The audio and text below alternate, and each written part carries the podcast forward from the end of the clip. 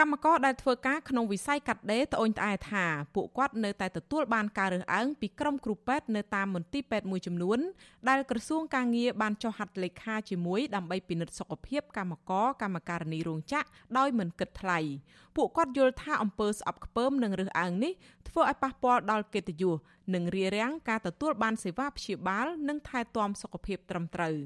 កម្មការនីមានផ្ទៃពោះនៅរោងចក្រឌីនហាន លោកស្រីហៀងសាំងម៉េងឲ្យដឹងថាមុនពេលផ្ទុះជំងឺ Covid-19 នៅក្នុងរោងចក្រលោកស្រីបានដាក់ពាក្យសុំសម្រាកពីរោងចក្រមួយរយៈដើម្បីទៅពិនិត្យសុខភាពនៅមន្ទីរពេទ្យដៃគូបេឡាជាតិរបបសន្តិសុខសង្គម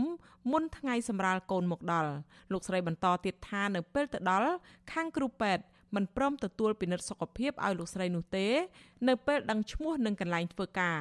ដោយមន្ត្រីពេទ្យទាំងនោះអះអាងថារោងចក្រលោកស្រីដែលធ្វើការកំពុងឆ្លងជំងឺ Covid-19 ស្ត្រីវ័យ27ឆ្នាំរូបនេះបានសម្រេចចិត្តទៅពិនិត្យសុខភាពម្ដងទៀតកាលពីថ្ងៃទី14ខែមេសាកន្លងទៅដើម្បីចង់ដឹងអំពីការវិវត្តកូនក្នុងផ្ទៃនៅឯមន្ទីរពេទ្យចន្ទ្រាវុធនិងមន្ទីរពេទ្យបង្អែករាជធានីភ្នំពេញឬហៅថាមន្ទីរពេទ្យសម្ភពក្រុងប៉ុន្តែមន្ទីរពេទ្យទាំងពីរបដិសេធដូចគ្នារហូតដល់លោកស្រីបែកទឹកភ្លោះហើយគ្រូពេទ្យនៅតែមិនអើពើដដែលទីបំផុតលោកស្រីត្រូវបានបញ្ជូនទៅសង្គ្រោះបន្ទាន់នៅមន្ទីរពេទ្យជប៉ុនដែលនៅទីនោះលោកស្រីសម្រាលបានកូនស្រីមួយដោយសុវត្ថិភាពស្ត្រីមានស្រុកកំណើតនៅខេត្តត្បូងឃ្មុំរូបនេះស្នើឲ្យបេឡាជារបបសន្តិសុខសង្គមនិងក្រសួងសុខាភិបាលពិនិត្យមើលឡើងវិញជុំវិញបញ្ហារើសអើងនិងស្អប់ខ្ពើមកម្មកររោងចក្រនិងប្រជាពលរដ្ឋក្រីក្រ ដែលត្រូវការសេវាសុខភាពអំឡុងពេលរីករាលដាលនៃជំងឺ Covid-19 និយាយម៉ាត់ឲ្យខ្លីរើសអើមព្រោះពីដំបូងឡើយដូចខ្ញុំនិយាយចឹងពេលដែលចូលទៅបំពេញឯកសារគឺគាត់ធម្មតាទាំងអស់គាត់បំរុងនិយាយរួមថាបំរុងនឹងបង្កើតឲ្យយើងហើយប៉ុន្តែហេតុអីគ្រាន់តែលឺទីតាំងដែលយើងនៅលឺសហគ្រាសដែលយើងធ្វើការឬក៏រោងចក្រដែលយើងធ្វើការហ្នឹងគ្រាន់តែលឺហើយគឺបដិសេធហ្មងបែរជាគាត់លើកហេតុផលផ្សេងយកមកដាក់គេឃើញនៅភ្នែកអញ្ចឹងហើយអត់ជួយគ្នាគិតតែពីបញ្ជូនគិតតែពីរើសអើមអញ្ចឹងពេលដែលបាត់បង់អានេះនិយាយខ្លីៗថាពេលដែលបាត់បង់អាយុជីវិតតើខាងណាទទួលខុសត្រូវឬក៏ខាងបេឡាជាតិហ្នឹងគេកែសម្រួលទៅបាច់វិញទៀតអាហ្នឹងអញ្ចឹងព្រោះពេលខ្លះយើងសិតតែមើលអត់ឃើញដូចគ្នាបងណាមិនមែនថាចេះចោលប៉ុន្តែដល់ពេលអត់ដែរជួបទេដល់ពេលជួបខ្លួនឯងផ្ទាល់អាហ្នឹងដល់ពេលធ្ងន់ធ្ងរមែនតើរើសអើងស្រដៀងគ្នានេះដែរកម្មការនីមានផ្ទៃពោះនៅរោងចក្រឌីនហានម្នាក់ទៀតគឺលោកស្រីគង់សុភ័ក្រ ប្រាប់អាស៊ីសេរីថាលោកស្រីនិងគ្រួសារបានសម្រេចចិត្តប្រមូលប្រាក់ដើម្បីសម្រាលកូនដំបង នៅឯមន្ទីរពេទ្យឯកជនមួយនៅក្នុងរាជធានីភ្នំពេញដោយមិនប្រើប្រាស់ប័ណ្ណបេឡាជារបបសន្តិសុខសង្គមនោះទេ ដើម្បីធានានូវសុវត្ថិភាពទាំងម្ដាយនិងកូនក្នុងអំឡុងពេលសម្រាលលោកស្រីយល់ថាប្រសិនបើលោកស្រីប្រើប្រាស់ប័ណ្ណបសសនោះលោកស្រីព្រួយបារម្ភអំពីគុណភាពនៃសេវាព្យាបាល និងថែទាំឲ្យបានដិតដល់ជាពិសេសនៅមន្ទីរពេទ្យរដ្ឋពេទ្យរដ្ឋវាដូចពេទ្យ ឯកជនសេវាកម្មក៏វាមិនដូចគ្នាដែរពេទ្យអឺរដ្ឋវាវាមិនសូវមើលយើងដល់ទេព្រោះភាគច្រើនគ្រូដឹងឲ្យទូទៅពេទ្យរដ្ឋព្រោះឲ្យគ្នាផ្អាកធ្វើដល់ថ្ងៃ20ដល់ពេលតែខែតន់បើកគ្នាទេហើយគ្នាចំណាយឲ្យរហូតហ្នឹងពួកកម្មករចាស់គាត់ថាសំណពរឲ្យបើកប្រាក់ខែឲ្យកម្មករចឹងរោងចក្រដែលសម្លៀកបំពាក់ឌិនហានស្ថិតនៅខណ្ឌមានជ័យរាជធានីភ្នំពេញមានកម្មករជិត3000នាក់ រោងចក្រកាត់ដេរនេះរកឃើញអ្នកឆ្លងជំងឺ Covid-19 ជាង400នាក់កាលពីថ្ងៃទី11ខែមេសា បន្ទាប់ពីធ្វើតេស្តសំណាក់លើកទី1កម្មករមួយចំនួនដែលកើតជំងឺ Covid-19 កំពុងសម្រាកព្យាបាលនៅកន្លែងស្នាក់នៅរបស់ខ្លួន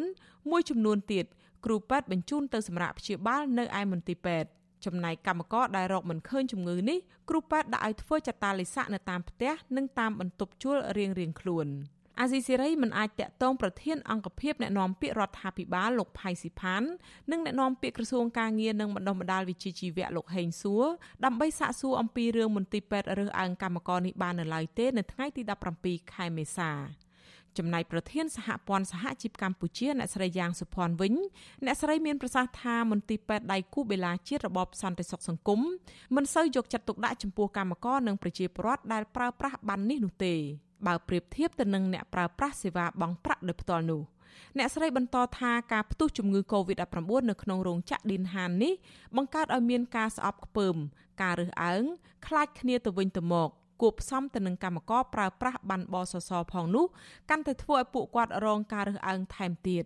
អ្នកស្រីយល់ថាគ្រូពេទ្យគួរមានក្រមសីលធម៌វិជ្ជាជីវៈ ដោយមិនត្រូវរើសអើងឬផាត់ចោលកម្មករកម្មការិនីទាំងនោះទេព្រោះពួកគាត់កំពុងត្រូវការសេវាសុខភាពចាំបាច់ក្នុងអំឡុងរីករាលដាលជំងឺ Covid-19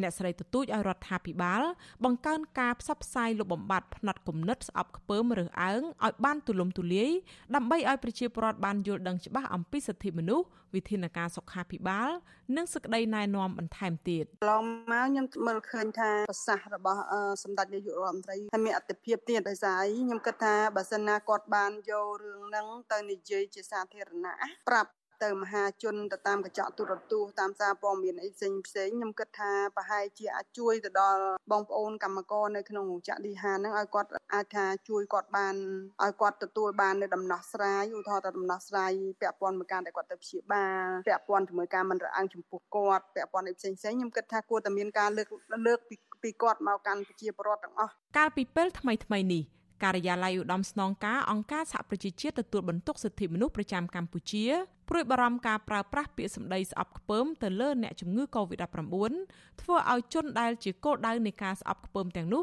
ងាយរងគ្រោះដោយអំពើហិង្សា ការផាត់ចេញការដាក់ឲ្យនៅដាច់ដោយឡែកពីគេ និងទទួលរងការមាក់ងាយពីសង្គមជាដើម។ ពាក្យសម្ដីស្អប់ខ្ពើមក៏អាចរារាំងអ្នកទាំងនោះពីការទទួលបានសេវាវិជ្ជសាស្ត្រដែលជាកត្តាបណ្ដាលឲ្យបង្កើនហានិភ័យដល់មនុស្សគ្រប់រូបលើសពីនេះទៀតការិយាល័យឧត្តមស្នងការអង្គការសហប្រជាជាតិទទួលបន្ទុកសិទ្ធិមនុស្សប្រចាំកម្ពុជាជំរុញឲ្យពលរដ្ឋទាំងអស់ថ្កោលទោសចំពោះបុគ្គលណាដែលប្រើប្រាស់ពាក្យសម្ដីស្អប់ខ្ពើមនិងរើសអើងនិងជំរុញឲ្យជួយផ្សព្វផ្សាយសារនៃអំពើល្អការរាប់អានគ្នានិងសាមគ្គីភាព។ ចា៎នេះខ្ញុំខែសុណងអាស៊ីសេរីរាយការណ៍ពីរដ្ឋធានី Washington